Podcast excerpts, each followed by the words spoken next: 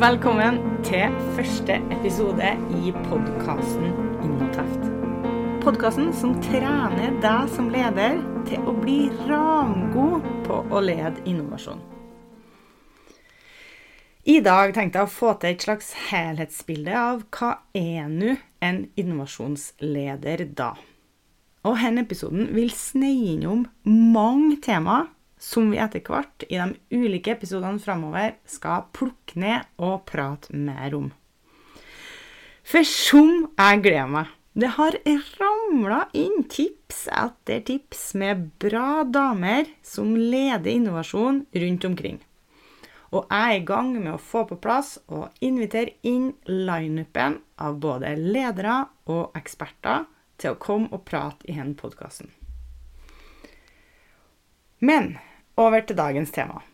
Hva er egentlig en innovasjonsleder, da? Vi kan jo slå fast det med en gang. At en av de viktigste egenskapene til deg som leder, er jo evnen til å orkestrere endring og utvikling. Det at du som leder trener på å bli god på innovasjon, det er rett og slett ganske lurt. For blir du god på innovasjon, så blir du jo bedre på det å generelt lede endring og utvikling når det trengs. Og det vet vi trengs. Det er ca. hele tida behov for det.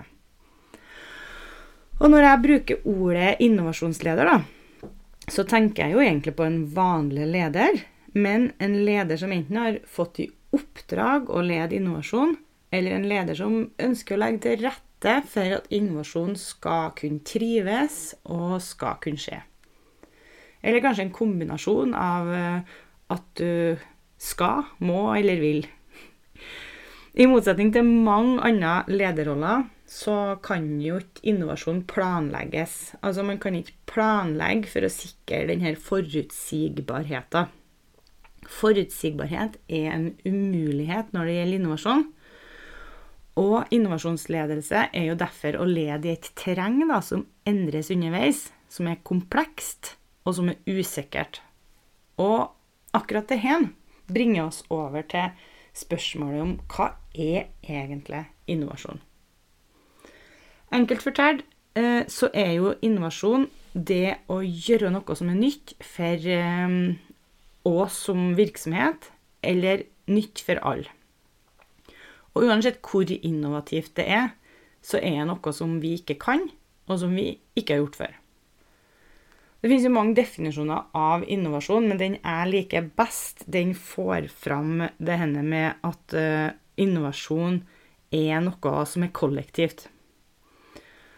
Og den definisjonen som jeg eh, kommer med nå, den er Toril Oddane sin. Og dere skal få gleden av å høre hun som gjest på podkasten etter hvert.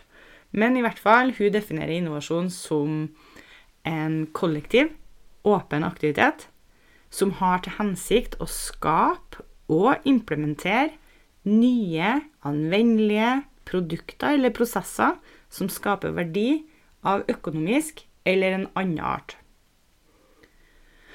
Og ettersom da innovasjon er dette åpne problemet, den åpne aktiviteten, så er det uforutsigbart.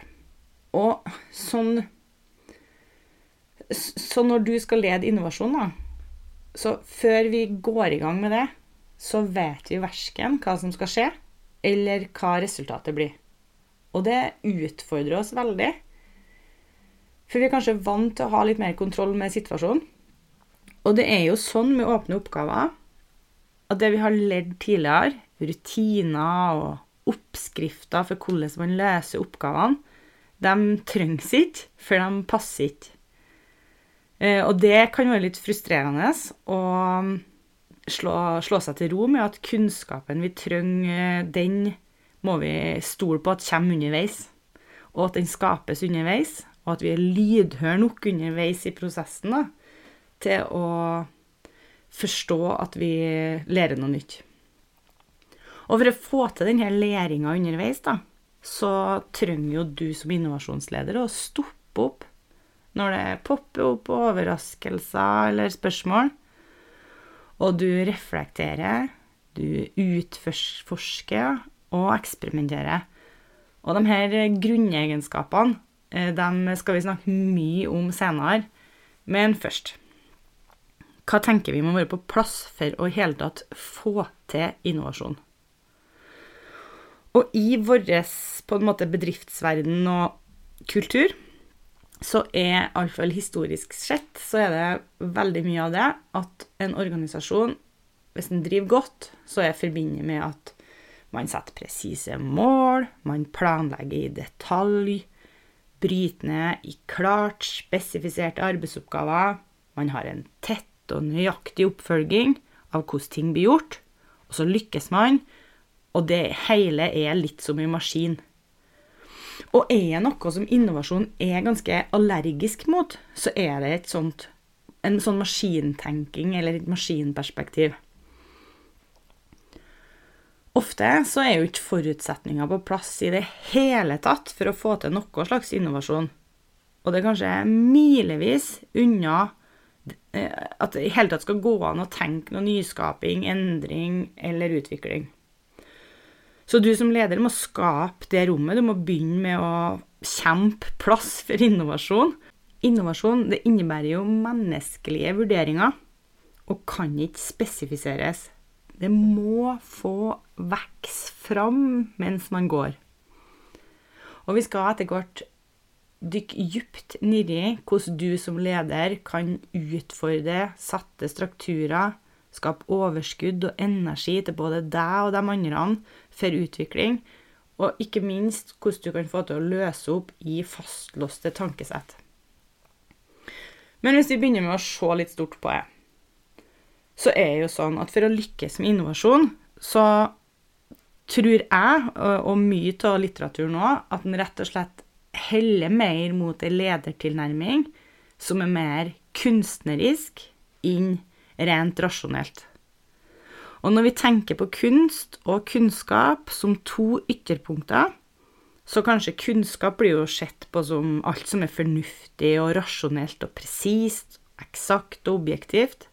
Mens kunst blir sett på som intuisjon, følelser, noe som har med inspirasjon å gjøre, noe med teft og subjektivitet. Og det er jo sånn at følelser og teft og intuisjon har hatt lav status i organisasjonsforskning. I hvert fall historisk sett. Vi kommer fra en tradisjon der følelser, som kanskje historisk sett har vært ansett som en forstyrrelse, for å få til en rasjonell beslutning. Og en vennlig holdning i det perspektivet kan jo være at strategiske beslutninger de må skje på grunnlag av rasjonelle analyser.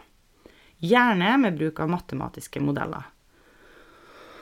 Og mye forskning viser faktisk at ledere ofte tar beslutning basert først på sin teft, men etterpå ilegger beslutninger rasjonelt grunnlag for å enklere få forståelse og godkjennelse fra omverdenen. Og her er det mye interessant, for menneskene er ikke så rasjonelle som mye av modellene og analysene. Og det utfordres i tillegg av at vi som mennesker vi sliter litt med å sette ord på ting. Det er rett og slett mer kunnskap mellom linjene enn vi klarer å få ned på papiret. Og i den sammenhengen så er noe superspennende. For som vi har snakka om, innovasjon er jo å bevege seg i det ukjente. Og i ei undersøkelse blant norske toppledere så svarer de at når de skal ta beslutninger i ukjent terreng, så veier intuisjon tyngst over analysen. Og hvis vi legger til grunn alt denne, da, at for å lykkes med innovasjon, så må du altså gi plass til teft. Så er det ganske lurt å både trene og forstå og bli kjent med fenomenet teft, både generelt og de ega. Henne handler jo om makt. Det at makta ofte er plassert til planer og strukturer mer enn det menneskenes erfaring sier. Og det handler mye om å tørre å slippe til denne tefta, slippe til menneskene, og stole på at utvikling skjer underveis i prosesser, fremfor et stort, for stort fokus på struktur og planer. Men hva er egentlig intuisjon, da. En kan jo si at uh, intuisjon er beslutningstaking på et bredere grunnlag enn det ensidig rasjonelle og logiske. Altså, når du foretar en intuitiv beslutning, så innebærer det at du har ei innlevelse, ei fortolkning og ilegger en taus kunnskap. Alt ene igjen foregår i et komplekst samspill med både magefølelsen din, erfaringa di og teften din. Og vi vet at en viktig lederegenskap er å kunne lese en situasjon og agere på den. En ferdighet som oftest utvikles gjennom intuisjon. Det du ser i en situasjon, og det du forsøker å forstå, det popper opp og ned mellom bevissthet og ubevissthet når du leser situasjonen. Og du vet det at åpenhet og fleksibilitet i lesingen av en situasjon tillater deg å ha mange innfallsvinkler.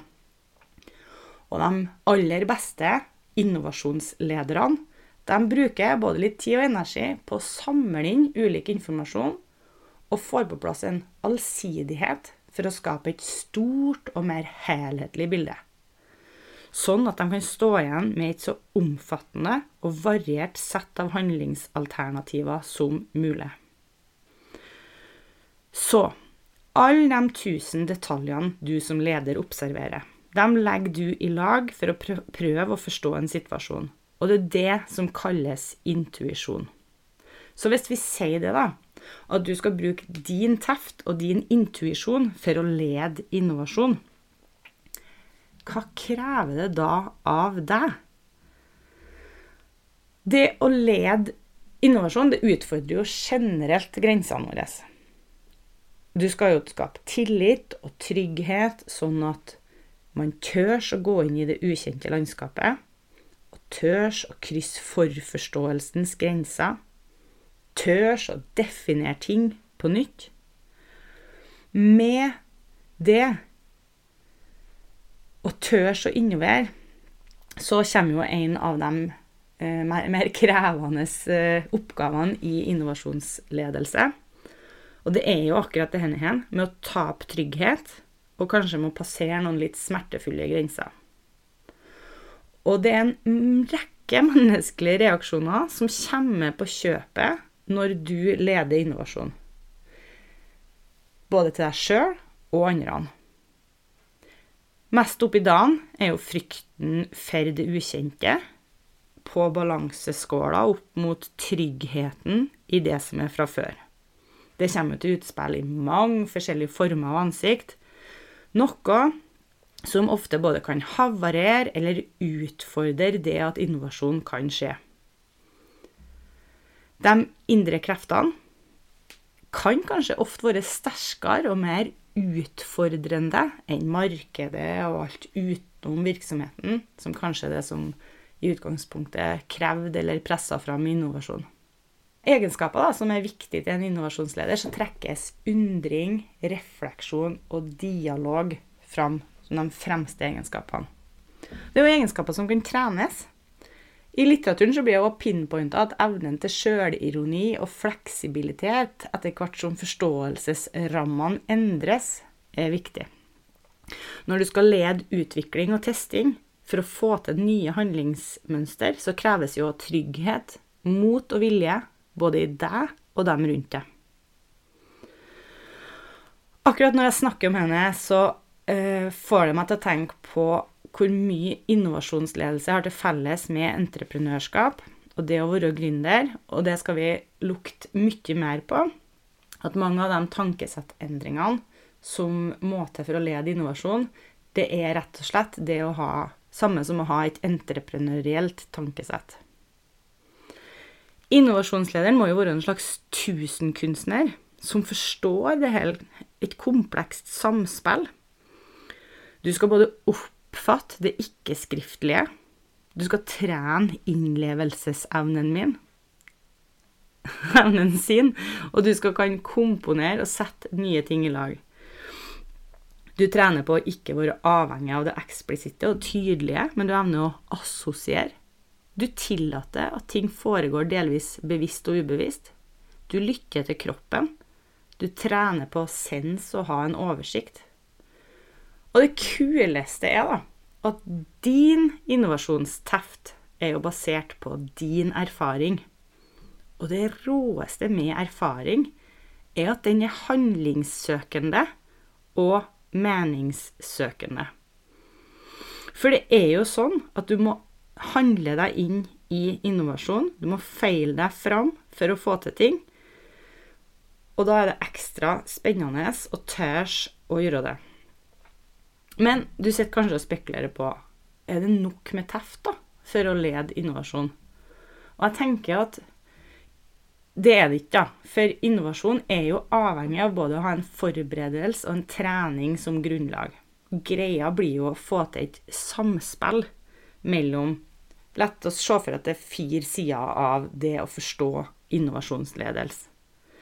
For det første så forstår du og navigerer i de ulike forståelsesrammene. For det andre så har du på en måte strukturen og planene som ligger til grunn. Og for det tredje så tar du inn over deg at dere hele tida lærer nye ting. Og for det fjerde så lytter du og bruker din teft. Og med det vil jeg oppsummere. En god innovasjonsleder må jo kjenne til grunnleggende virksomhetsstyring. Må kunne teorien. Det må være en god grunnstruktur, en struktur der det brukes tid på og anses som viktig å få til ideer, og få opp ideer i lag og lære i lag. Men for å virkelig bli en innovasjonsartist, så må du òg bruke din teft. Jeg gleder meg videre til å dykke ned under overflata på de her temaene som vi så vidt har skumma gjennom på denne episoden. Og målet mitt for deg er å få trena innovasjonstefta di til å bli en innovasjonsartist som nailer innovasjonsledelse på de ledervakt. Til neste gang, ut og skap morgendagen.